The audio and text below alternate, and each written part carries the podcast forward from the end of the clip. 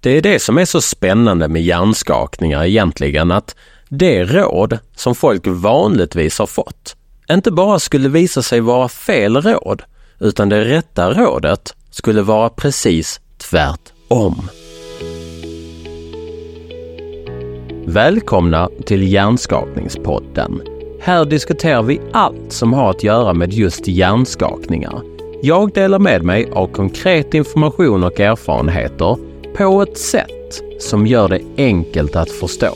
Mitt namn är Viktor Bull. Jag är legitimerad fysioterapeut med särskilt intresse för just hjärnskakningar. Kom ihåg att innehållet i den här podden inte ersätter bedömning hos legitimerad sjukvårdspersonal. Vad är det vanligaste rådet folk får egentligen? Man har drabbats av en hjärnskakning, alltså en hjärnskada, en mild traumatisk hjärnskada, men som kan ge oerhört många olika och väldigt besvärliga symptom. Hur ska man hantera detta? Jo, de allra flesta har fått rådet att, hör och häpna, vila, vila, vila. Om man nu har drabbats av en hjärnskakning och får rådet om att vila, vad gör man då? De allra flesta har blivit rekommenderade att gå hem, lägg dig i ett mörkt rum, titta inte på TV, titta inte på mobil, prata inte med någon, lyssna inte på radio, träna absolut inte. Men hur länge ska man vila då? Ja, tills du mår bättre. Ett problem med det, det är om man nu aldrig börjar må bättre. När ska man då sluta vila?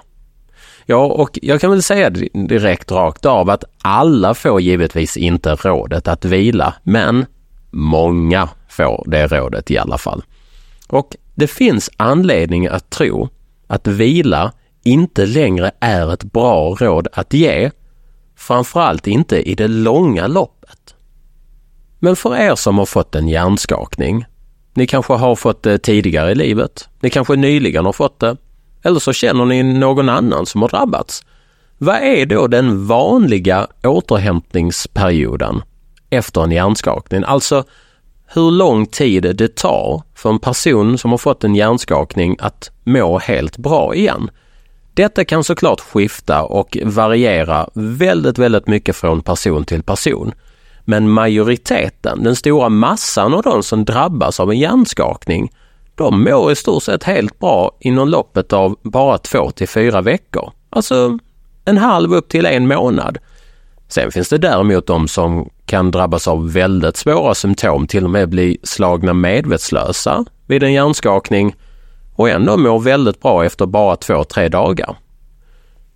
Däremot, de som det är mest synd om, det är ju de som inte blir bra.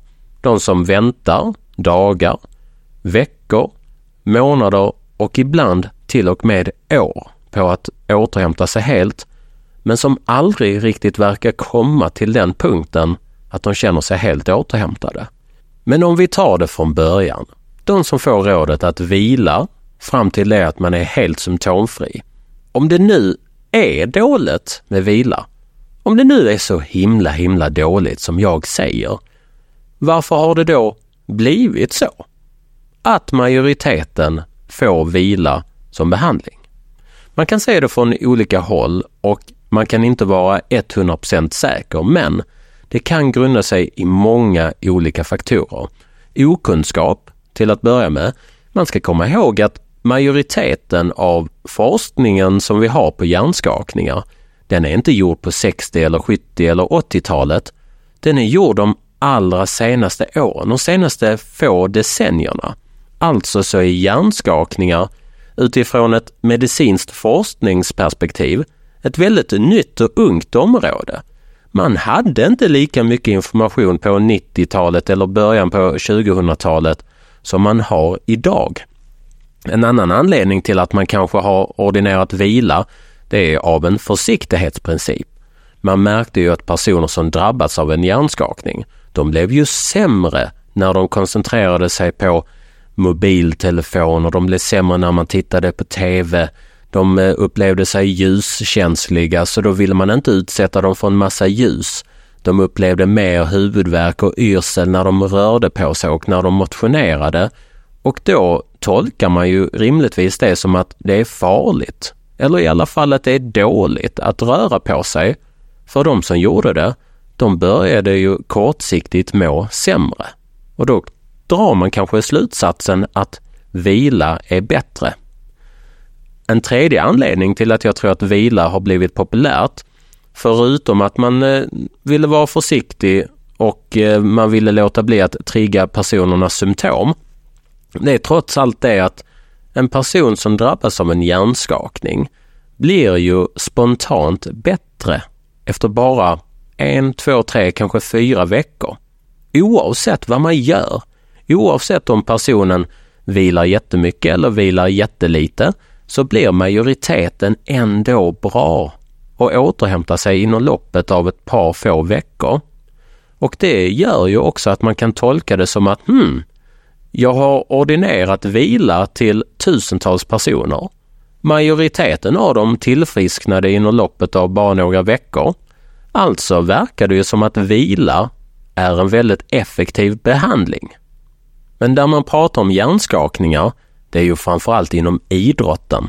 Vad har då idrottare fått för råd genom åren? Ja, detta har också utvecklats över en lång tid och rekommendationerna ändras för vart decennium som går just nu. Men ett väldigt vanligt råd till idrottare har varit som till alla andra. Vila, vila, vila fram till det att du inte har några symptom längre. När du inte har några symptom längre, då får du lov att börja anstränga dig både fysiskt och mentalt. Men om dina symptom då kommer tillbaka, när du anstränger dig mentalt eller fysiskt, då ska man tolka det som ett tecken på att man måste börja vila igen. Och så här kan man hålla på. Man vilar till det att man mår bättre, man börjar röra på sig, anstränga sig, symptomen kommer då tillbaka. Då börjar man vila igen, fram och tillbaka, fram och tillbaka. Och för er som sitter och lyssnar på den här podcasten, var lugna. Jag kommer komma med de rätta råden senare, men om ni kan ge mig några minuter till så vill jag klaga lite, lite mer på det som är vila. För vad är riskerna med att ordinera, alltså rekommendera vila till personer som har drabbats av en hjärnskakning och att man rekommenderar vila tills det att man är helt symptomfri, vilket i det här fallet betyder att man inte upplever några som helst kvarvarande besvär från hjärnskakningen. Ja, jag skulle säga att de stora riskerna med att bara vila efter en hjärnskakning, det är ju uppenbart att man inte går till jobbet och man inte går tillbaka till skolan. Låt oss säga att man får en hjärnskakning en lördag. Man faller med sin cykel eller man faller ner från en stege eller man är med och nickar ihop med en annan spelare i en fotbollsmatch. Man åker därefter kanske in till akutmottagningen på sjukhuset där de snabbt och enkelt kan konstatera att det är en hjärnskakning det rör sig om och ingenting annat. Du får kanske rådet att gå hem och vila tills du är helt symptomfri, som många andra har fått råd om att göra. Problemet där är att även om du på måndagen, alltså två dagar senare, veckan därpå, ska gå till jobbet eller du ska gå till skolan, så upplever du fortfarande symptom från din hjärnskakning. Då kan du ju inte gå till jobbet. Du skulle ju vila tills du mådde helt bra. Det är nog bäst att du ringer till chefen och säger att jag kan inte komma in för jag har fått en hjärnskakning. Oj, säger chefen, ja men då, då får du stanna hemma. Vad händer då om symptomen inte försvinner? Ska du vila då i all evighet? Nej, det låter ju inte rimligt. Man kan ju inte vila hela livet. Men det är tyvärr precis en sån här situation som väldigt många kan hamna i. Man hamnar i en så kallad passivitet, att man inte gör någonting. Man kommer inte upp ur sängen, man aktiverar inte sig. Och vilan, om nu symptomen inte försvinner, kan faktiskt orsaka många fler problem. Om du inte är uppe och rör dig och du inte lever som vanligt, då påminns du ju hela tiden om att du är sjuk. Du får en ökad känsla av att du lider av en sjukdom. Och vad finns det för andra risker med att vila förutom det här med att du känner dig passiv, att du inte känner dig normal? Jo, det är ju att Om du inte tränar så får du inte ut samma goda effekter som du kan få av träningen. Du kanske vänder på dygnsrytmen för att du brukar ju inte ligga i din säng eller ligga still i soffan i flera dagar i sträck. Men nu helt plötsligt så ska du göra det. Du kanske till och med undviker att gå ut i solen. Du har ju blivit ljuskänslig. Då ska man ju undvika ljus, kan man ju tro. Och när du undviker solljus, då kommer din hjärna helt och hållet tappa greppet om när det är dag och när det är natt. Du börjar alltså röra dig mindre, vistas mindre utomhus och per automatik ökar risken för att sova sämre. Och när du sover sämre, då mår du sämre. Vilket kan förlänga de här symptomen som du har efter hjärnskakningen. Din hjärnskakning kanske hade blivit bättre av att du hade börjat leva lite mer normalt, tidigt i alla fall. Man har dessutom sett att en vila som pågår mer än bara ett, två dygn, alltså att man vilar i mer än 48 timmar efter en hjärnskakning, det har visat sig ge sämre effekt. Inte bättre, sämre effekt jämfört med om man efter två dygn skulle börja aktivera sig själv lite mer, både mentalt men också fysiskt. Vi tar ett exempel. Johanna är en kvinna på 45 år som är med om en cykelolycka. Hon drabbas i den olyckan av en hjärnskakning och får väldigt snabbt åka in med ambulans till sjukhuset där man snabbt kan konstatera med en bildundersökning av hennes hjärna att det i alla fall inte rör sig om någon farligare hjärnskada eller en hjärnblödning. Man kan konstatera att det är en hjärnskakning det handlar om. Hon får därför rådet om att åka hem och vila. Två veckor senare så besöker Johanna sin vårdcentral för hon lider fortfarande av yrsel och huvudvärk och trötthet efter den här hjärnskakningen. Med tanke på hennes symptom och att de anser att det är viktigt att vila får Johanna en sjukskrivning en månad framåt. Johanna kommer sen tillbaka på ett återbesök efter den månaden, men hon mår fortfarande dåligt. Förmodligen måste hon kanske vila lite till. Hon blir därför sjukskriven 100% i två månader ytterligare. Fortfarande ingen förbättring. För att vara på säkra sidan skickas Johanna på en så kallad magnetkameraundersökning av hjärnan där man ännu en gång med den bildundersökningen kan konstatera att allt verkar se fullt normalt ut. Johanna är fortsatt sjukskriven. Hon blir väldigt frustrerad och efter flera månaders sjukskrivning och ordinerad vila bestämmer hon sig för att nej, nu måste det vara nog. Jag orkar inte vila längre. Det funkar ju ändå inte. Johanna ger sig ut för att springa en löprunda. Och detta är första gången sedan hjärnskakningen som Johanna anstränger sig fysiskt. Efter den här löprundan, som trots allt känns ganska bra och går ganska bra, så får Johanna ett kraftigt bakslag. Hennes symptom slår i taket. Hon mår fruktansvärt dåligt efter den här löprundan och blir sängliggandes efteråt. Hon ringer i panik till vårdcentralen och gråter jag orkar inte ha det så här. Jag mår så, så dåligt. Dessvärre så får Johanna bara en tillsägelse av läkaren att det var dumt att gå ut och springa. Hon hade ju trots allt fått rådet att vila. Men nu har jag klankat ner på vila alldeles för mycket. Tycker ni inte det? Ibland pratar jag precis som om ni skulle ha möjlighet att svara. Det vet jag att ni inte har. Men jag antar att ni håller med mig. Om man nu istället skulle vända sig till medicinsk forskning och ställa sig frågan vad ska man då göra istället för att vila? Jag har redan berört det lite grann, men efter en hjärnskakning, ja, då får man lov att ta det lite lugnt de första 24 till 48 timmarna.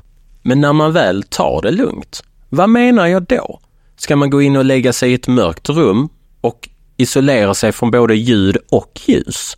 Nja, det är inte heller särskilt bra även om du ska ta det lugnt så får du givetvis lov att både vistas i solljus, du får lov att prata med människor och du får absolut lov att sitta till middagsbordet och äta mat på fasta tider. Det är till och med väldigt bra för din matsmältning och därmed också för din dygnsrytm. Men finns det några saker som man ska undvika helt och hållet de här första 24 till 48 timmarna? Ja, det som man skulle kunna undvika helt och hållet, det skulle i så fall vara att anstränga sig så pass mycket fysiskt att man blir andfådd och svettig. Man bör alltså låta bli att gå ut och gå raska promenader, jogga, cykla, styrketräna eller idrotta på annat sätt. Man kommer kunna göra det senare, ta det lugnt, det är ingen stress. De här första 24 till 48 timmarna däremot, där kan man hålla sig lite grann på latsidan. Måste man ligga helt still under de här 24 till 48 timmarna? Nej, det måste du inte. Man får till och med lov att gå en lugn, lugn, sakta promenad runt kvarteret, men inga längre sträckor och inga snabba promenader. Vad man sen inte bör göra utöver det. Här kan man diskutera det från olika håll. Man har sett ur ett forskningsperspektiv en del nackdelar med att använda skärm, alltså mobil, iPads, TV och dator och liknande de här första ett till två dygnen efter att man har drabbats av en hjärnskakning. Men när jag pratar med personer som har fått den här skadan och de frågar om de får lov att använda skärmar, då brukar jag ombe dem att tänka att om de behöver använda sin skärm för att till exempel kontakta en nära anhörig eller en nära vän, eller man behöver skriva till sin fotbollstränare och berätta att man mår bra eh, trots den här hjärnskakningen man drabbades av, så är det helt okej. Okay. Man ska inte få panik bara för att man behöver använda skärmen en kort stund. Men man kanske inte ska sitta två dagar i sträck och glo på film eller sitta och läsa in text inför en examen i skolan eller sitta och arbeta framför datorn. Det är kanske lite onödigt. Så om du kan, begränsa dig från skärmar så gott det går de första 24 till 48 timmarna. Men du ska inte bli rädd eller orolig om du skulle behöva använda skärmen lite grann. Om man har fått en hjärnskakning och man har träffat en sjukvårdare som har uteslutit att det inte är någonting annat än en hjärnskakning, då kan man lugnt och stilla ta det lugnt där hemma i 24 till 48 timmar. Under den här lugna perioden så får man lov att sitta ute i solen, äta middag vid middagsbordet, man får lov att lyssna på ljudbok och framförallt den här podcasten kan jag varmt rekommendera. Men man kanske inte ska ut och promenera raska promenader, cykla, springa eller styrketräna. Man kanske inte ska sitta flera timmar varje dag med mobilen eller med iPaden, datorn eller TVn. Men man får givetvis lov att gå en lugn och sakta promenad runt kvarteret och man får absolut lov att använda sin mobil om man nu måste. Man kanske bara inte ska använda den precis lika mycket som man vanligtvis gör. Men sen då? Vad ska man ta sig till efter det? Jo, efter de här första ett till två dygnen, då får man lov att komma igång sakta men säkert, stegvis och gradvis med mer och mer både fysisk men också mental aktivitet. Ja, även om man fortfarande har symptom kvar. För det är här det, det fina med det är att bara för att du har symptom så behöver du inte fortsätta vila hela tiden, utan du ska komma igång sakta men säkert ändå. Men här kan det skilja sig väldigt, väldigt mycket åt från person till person. Vissa personer kommer må jättebra redan efter två dagar, medan andra kommer må väldigt, väldigt, väldigt dåligt. Vad man ska försöka göra trots det, det är att om du har ett jobb eller du går i skolan så kanske du inte ska börja jobba 100% första dagen som du är tillbaka. Du får givetvis lov, men man kanske ska börja lite mer gradvis. Låt oss säga att man börjar jobba eller gå i skolan två timmar första dagen. Därefter ska du ha som mål att var eller varannan dag försöka stegra med en timme i skolan eller en timme på arbetet. Det innebär att en till två veckor efter att du har drabbats av en hjärnskakning så ska målet vara att vara tillbaka på jobbet eller i skolan på 100 procent. Jag vet mycket väl att alla inte kommer klara av detta Och det är givetvis okej. Okay. Alla regler och principer kommer inte gälla för alla precis lika bra hela tiden, men man ska i alla fall inte vara rädd för att gå tillbaka till jobbet eller till skolan bara för att man fortfarande har kvarvarande symptom. Vad man däremot ska komma ihåg, det är att alla blir inte bra trots att man får precis rätt råd i början. Vissa kommer må dåligt oavsett hur man gör. Detta är för att alla är olika. Alla hjärnskakningar är inte de samma. Men vila är i alla fall inte den bästa behandlingen. Framförallt inte långsiktigt. Det kanske till och med kan vara så att en överdriven rekommendation att vila har varit självaste anledningen till alldeles för långa sjukskrivningar och onödigt lidande för de som har drabbats av hjärnskakningar. Och med det vill jag tacka för att ni har lyssnat. Läs mer om hjärnskakningar inne på www.fysiohjärnskakning.se. Gå in på Instagram, följ fysiohjärnskakning för mer content, gilla inläggen, kommentera och skriv jättegärna frågor så ses vi igen i nästa avsnitt.